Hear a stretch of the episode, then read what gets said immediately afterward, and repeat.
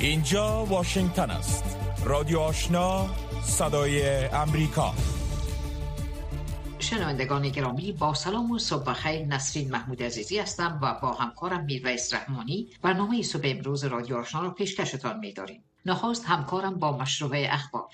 سلام شنونده های عزیز صبح خیر در اثر وقوع انفجارها در شهرهای مزار شریف، قندوز و کابل ده نفر کشته و زخمی شد. در انفجاری که حوالی ساعت یک پس از چاشت دیروز در داخل مسجد سدوکان شهر مزار شریف به وقوع پیوست حداقل دوازده نفر کشته شد. خبرگزاری اسوسییتد پرس گزارش داده که در این حمله 58 تن دیگر زخمی شده که وضعیت 32 تن آنان وخیم است. در یک انفجار دیگر در شهر قندوز که دیروز یک موتر را هدف قرار داد حداقل چهار نفر کشته و 18 تن دیگر زخمی شد. مسئولیت انفجارهای شهرهای مزار شریف و قندوز را گروه داعش بر عهده گرفته است. افزون بر این رویدادها در اثر انفجار یک بم کنار جاده در شهر کابل دیروز سه نفر زخمی شد.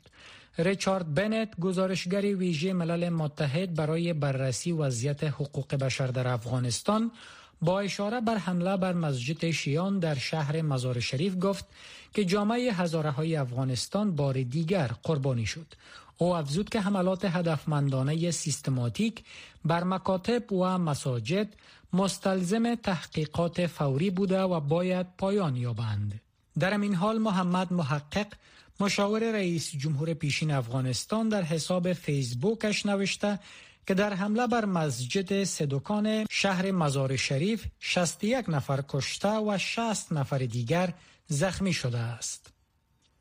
گروه طالبان در واکنش به انفجارهای دیروز در شهرهای مزار شریف، قندوز و کابل که در آن ده نفر جان باخت گفته است کاملین این انفجارها به زودی گرفتار و مجازات خواهند شد. زبیولا مجاهد سخنگوی گروه طالبان در حساب تویترش نوشته که این انفجارها کار حلقات است که با جامعه افغانی هیچ ارتباط ندارند. او در مورد این حلقات جزیات بیشتر ارائه نکرده است. در این حال امرالله صالح معاون اول رئیس جمهور پیشین افغانستان از نحوه واکنش حکومت طالبان به حملات اخیر به ویژه بر ازاره ها انتقاد کرده است. آقای صالح در فیسبوکش نوشته که اهمیت سیاسی و اهمیت زندگی ازاره ها در زیر حکومت طالبان از واکنش یک سخنگوی وزارت و حوزه امنیتی بالا نرفته است. او همچنین از اینکه ملا هبت رهبر طالبان به حملات اخیر بر شیان و هزاره ها واکنش نشان نداده انتقاد کرده است.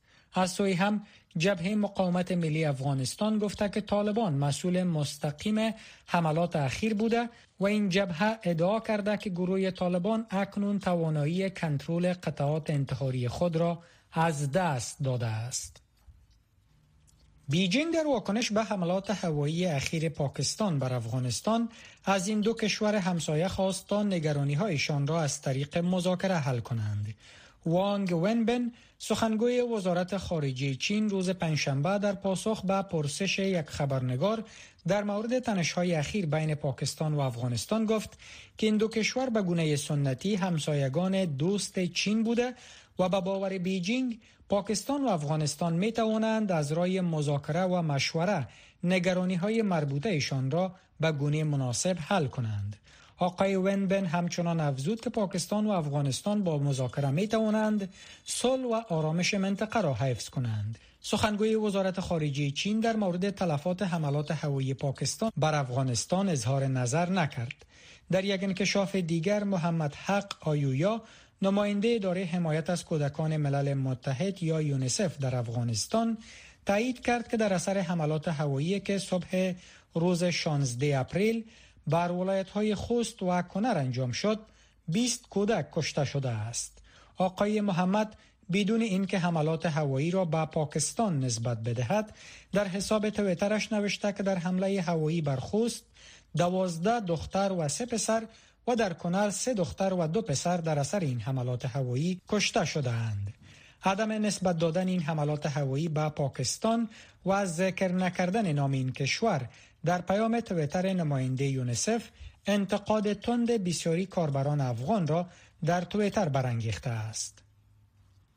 امریکا 16 هلیکوپتر نظامی را که برای اردوی افغانستان خریداری کرده بود به اوکراین تحویل می دهد. روزنامه واشنگتن پست گزارش داده که این هلیکوپترها نوع امای 17 ساخت روسیه است. در این گزارش آمده که امریکا این هلیکوپترها را برای استفاده قوای هوایی افغانستان خریداری کرده بود و این هلیکوپترها قبل از سقوط کابل به دست طالبان در ماه سنبله سال گذشته به خاطر ترمیم به بیرون از افغانستان انتقال داده شده بود. گزارش می افزاید از آنجایی که پول خریداری این هلیکوپترها از سوی امریکا پرداخته شده بود. وزارت دفاعی امریکا در اواخر سال گذشته میلادی به کانگرس اطلاع داد که با این هلیکوپترها به حیث ملکیت دولت امریکا برخورد می شود در گزارش روزنامه واشنگتن پست آمده که از جمله 16 هلیکوپتر پنج آن از قبل به خاطر ترمیم به اوکراین منتقل شده بود و قرار است 11 هلیکوپتر دیگر تا چند روز آینده از یک پایگاه نظامی امریکا در ایالت اریزونا به اوکراین انتقال داده شود.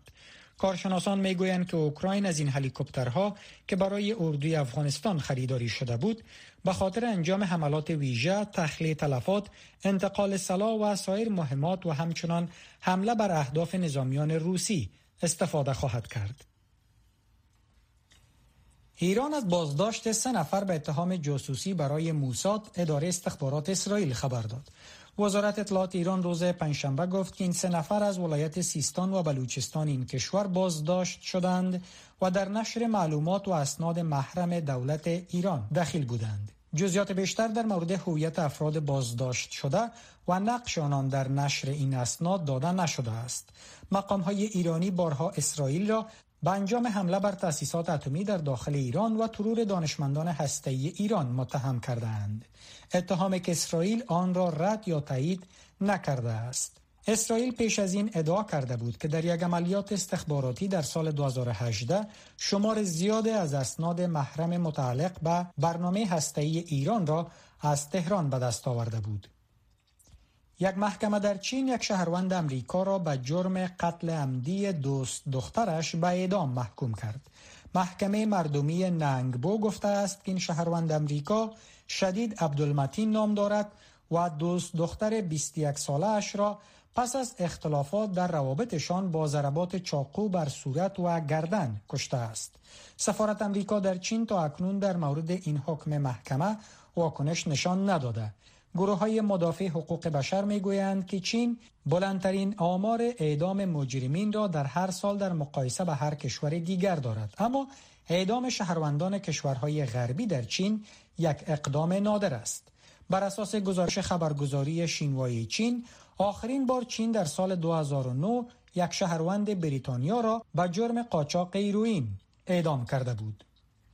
بازدید الهان عمر عضو مجلس نمایندگان امریکا از منطقه کشمیر تحت کنترل پاکستان واکنش تند هند را برانگیخت.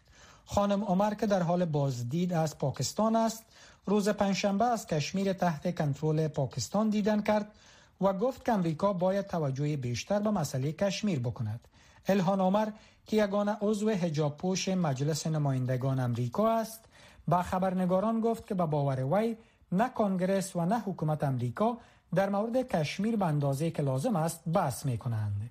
اریندام بچی سخنگوی وزارت خارجه هند در واکنش به بازدید الهان عمر از کشمیر تحت کنترل پاکستان گفت که این اقدام خانم عمر قابل تقبیه بوده و تمامیت ارزی و حاکمیت ملی هند را نقض کرده است. هند و پاکستان هر دو بر منطقه کشمیر ادعای مالکیت دارند و این دو کشور تا اکنون چندین بار به خاطر منطقه کشمیر با هم جنگیدند. پایان خبرها.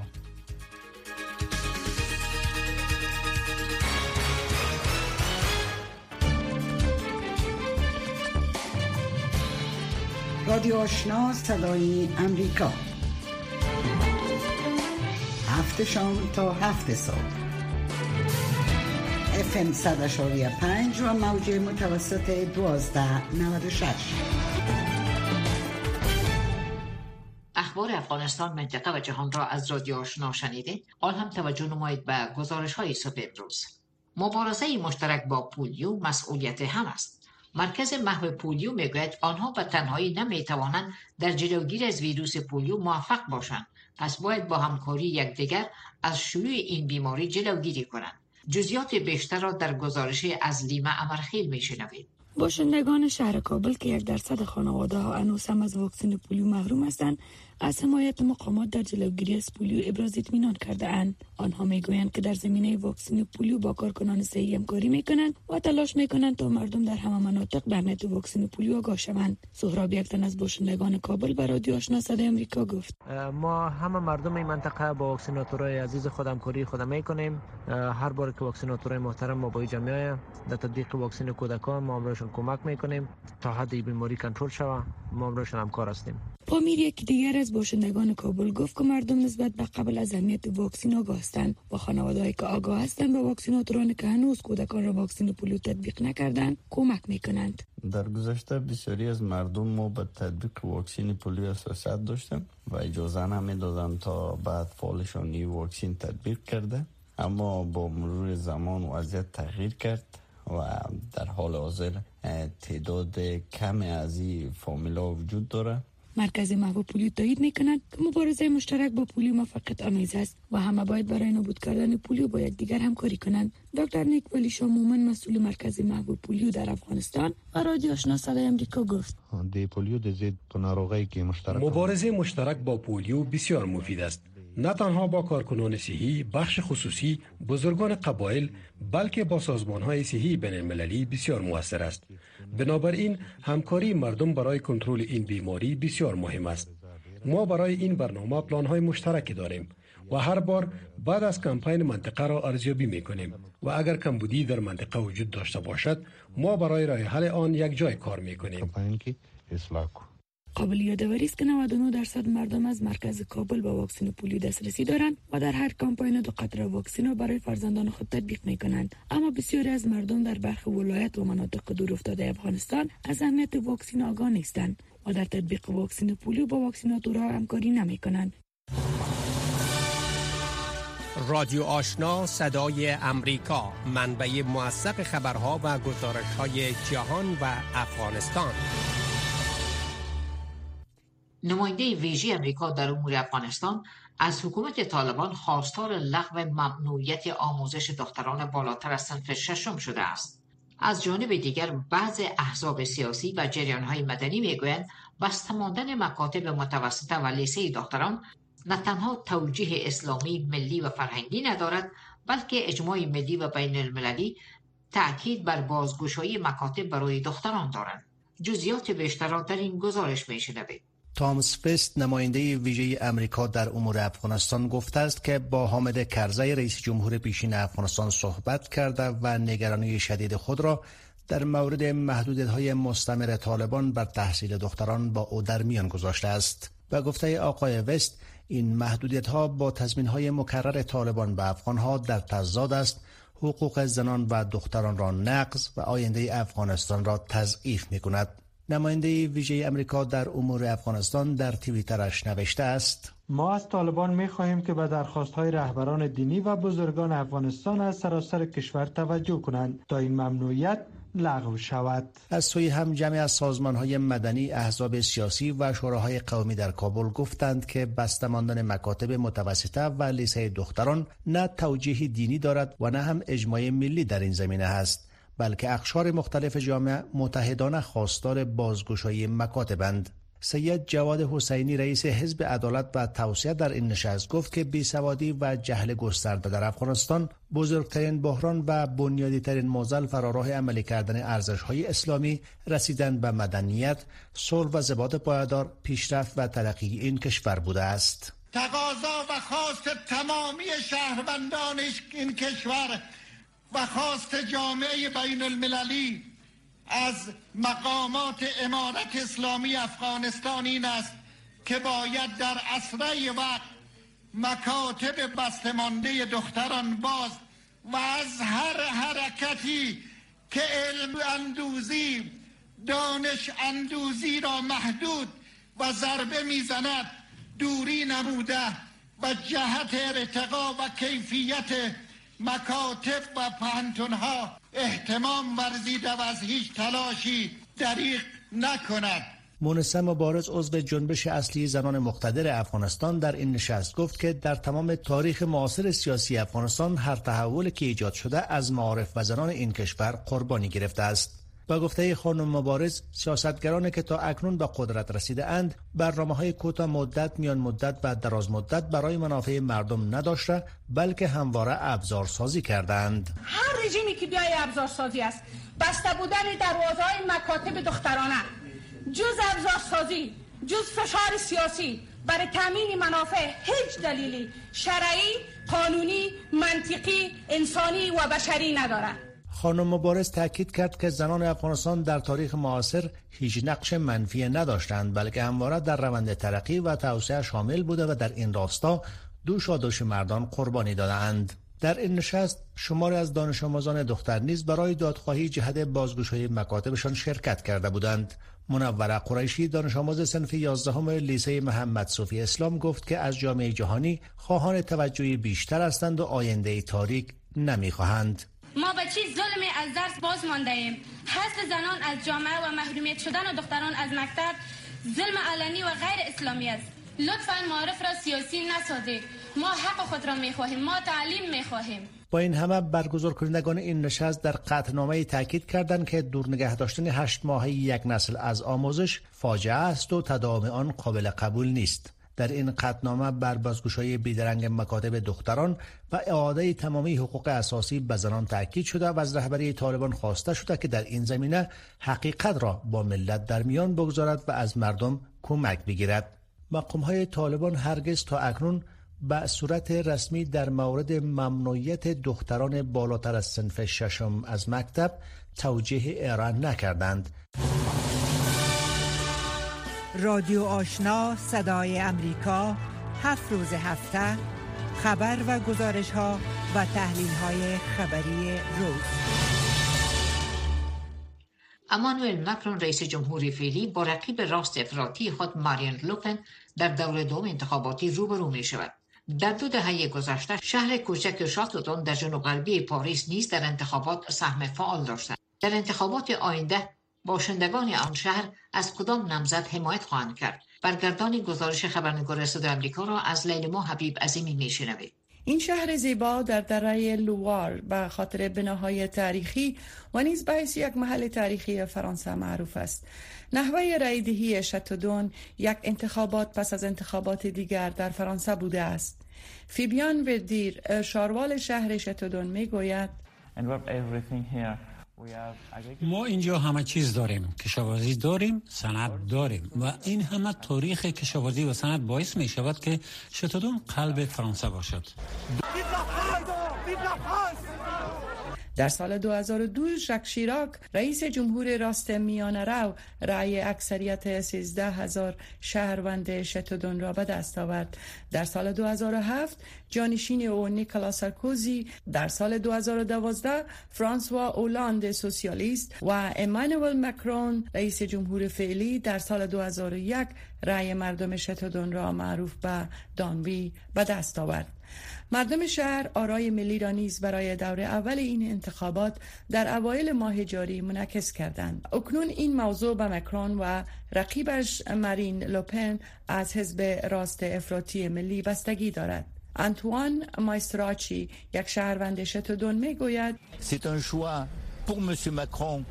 ما آقای مکرون انتخاب می‌کنم. فکر می‌کنم که او جدی صادق و سختکوش است.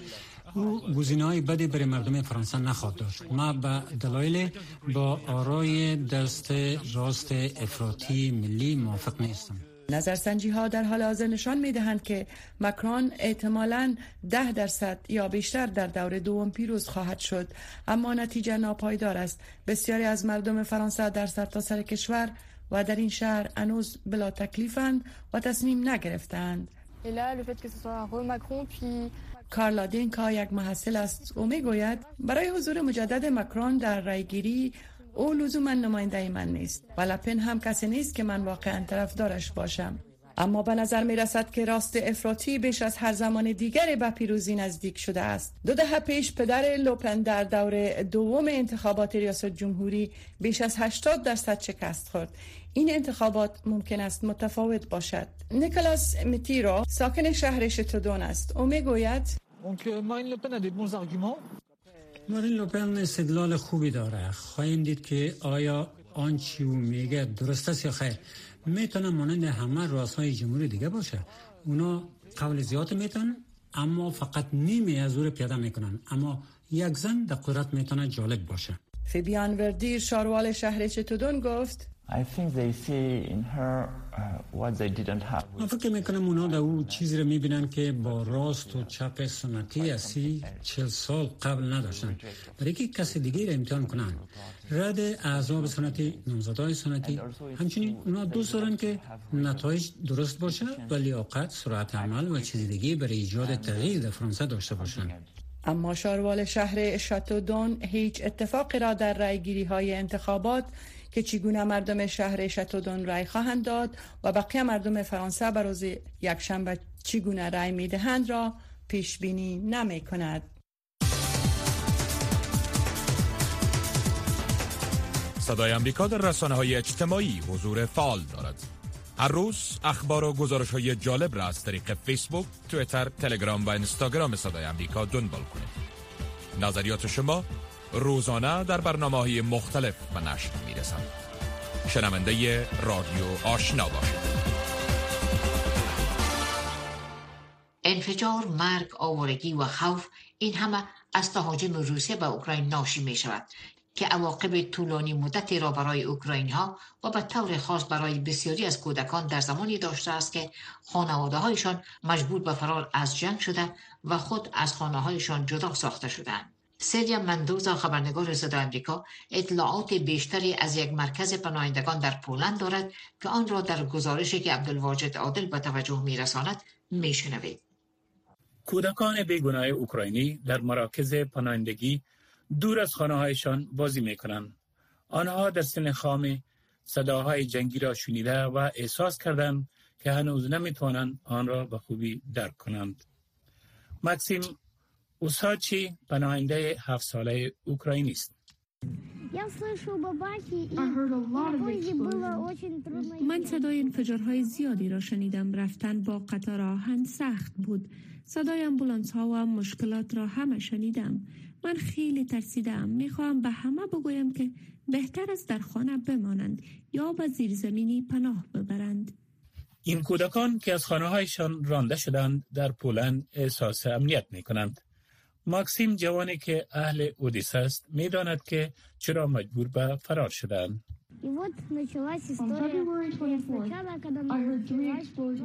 در 24 فبروری من سه انفجار را شنیدم و زنگ خطر به صدا درآمد و سپس صدای عادی. بعد از یک دو سه هفته دوباره شروع به بمباران کردند تقریبا سه روز دو روز گذشت نمی‌دانم. و بعد همه ما غذا و آب ذخیره کردیم. وقتی کودکان به سرحد در پولند رسیدند برخی از آنچه را که دیدند و در آن زندگی کردند زخمای عاطفی از آن دارند. اسکندر گاسانوف پناهنده نوجوان اوکراینی است.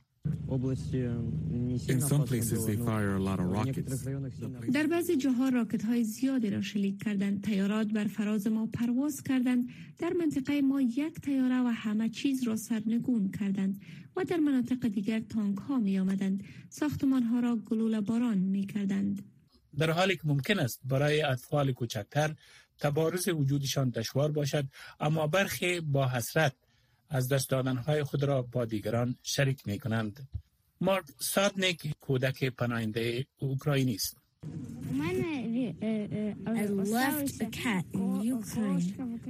من یک پشک را در اوکراین گذاشتم. همچنین پدرکلانم و مادرکلانم آنجا ماندند. من به مکتب موسیقی می رفتم. باسکتبال بازی می کردم. من می توانم پیانو را هم بنوازم. من با استعداد هستم. برخی مشتاقانه منتظر آینده جدید در کشور دیگری هستند. برخی دیگر مشتاق بازگشت به خانه هستند. ماکسیم اوساچی پناهنده هفت ساله اوکراینی می‌گوید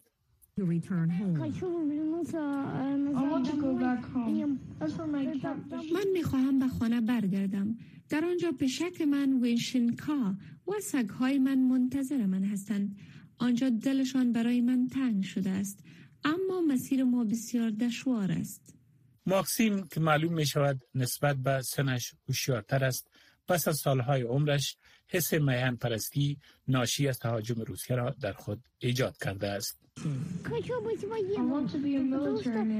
من می خواهم یک مرد نظامی باشم زیرا می خواهم از سرزمین خود محافظت کنم. ویرانی و مصیبت هایی که کودکان مانند ماکسیم همراه با والدینشان متحمل شدند احتمالا زندگی آنها را برای همیشه شکل می دهد.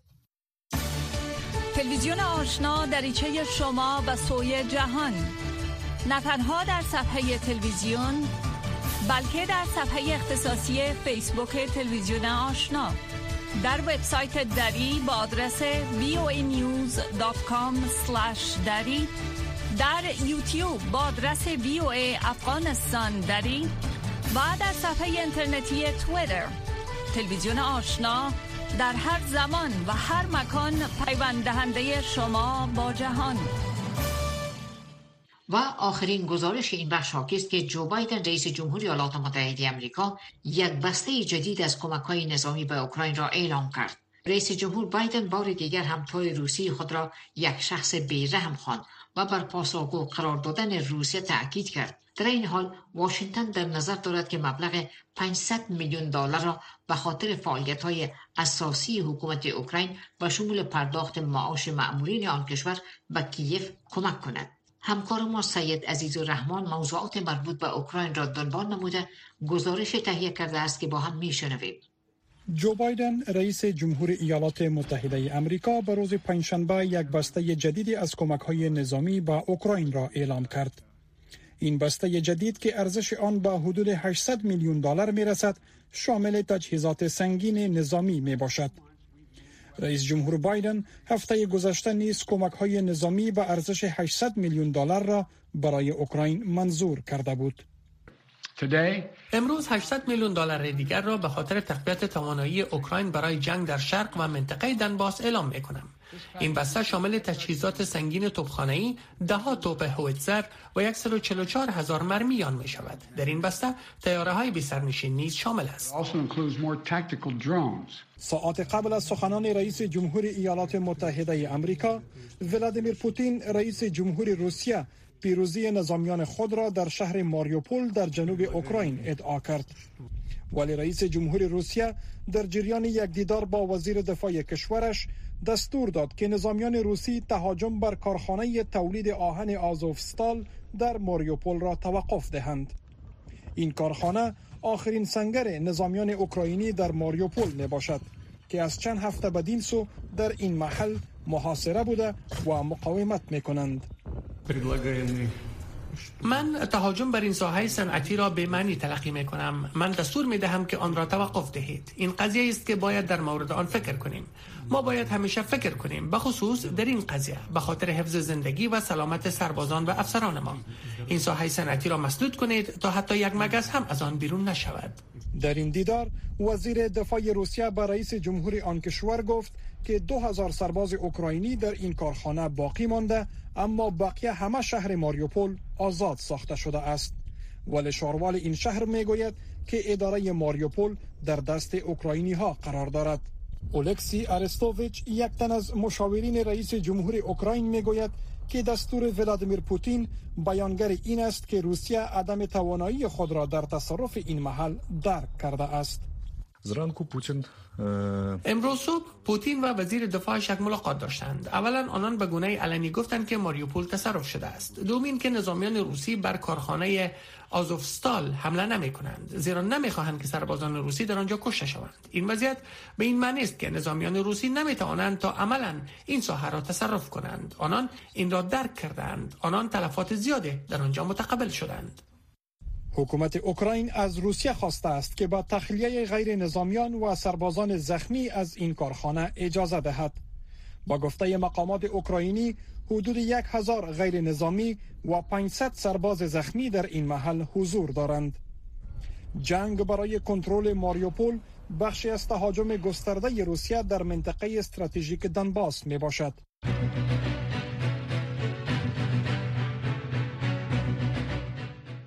شنوندگان گرامی در اینجا می رسیم به پایان بخش دوم برنامه صبح امروز رادیو آشنا. تا ساعت هفت شام که بار دیگه با نشرات رادیو آشنا در خدمت خواهیم بود با شما خدا حافظی می کنیم روزتان بخیر. خداوند یار و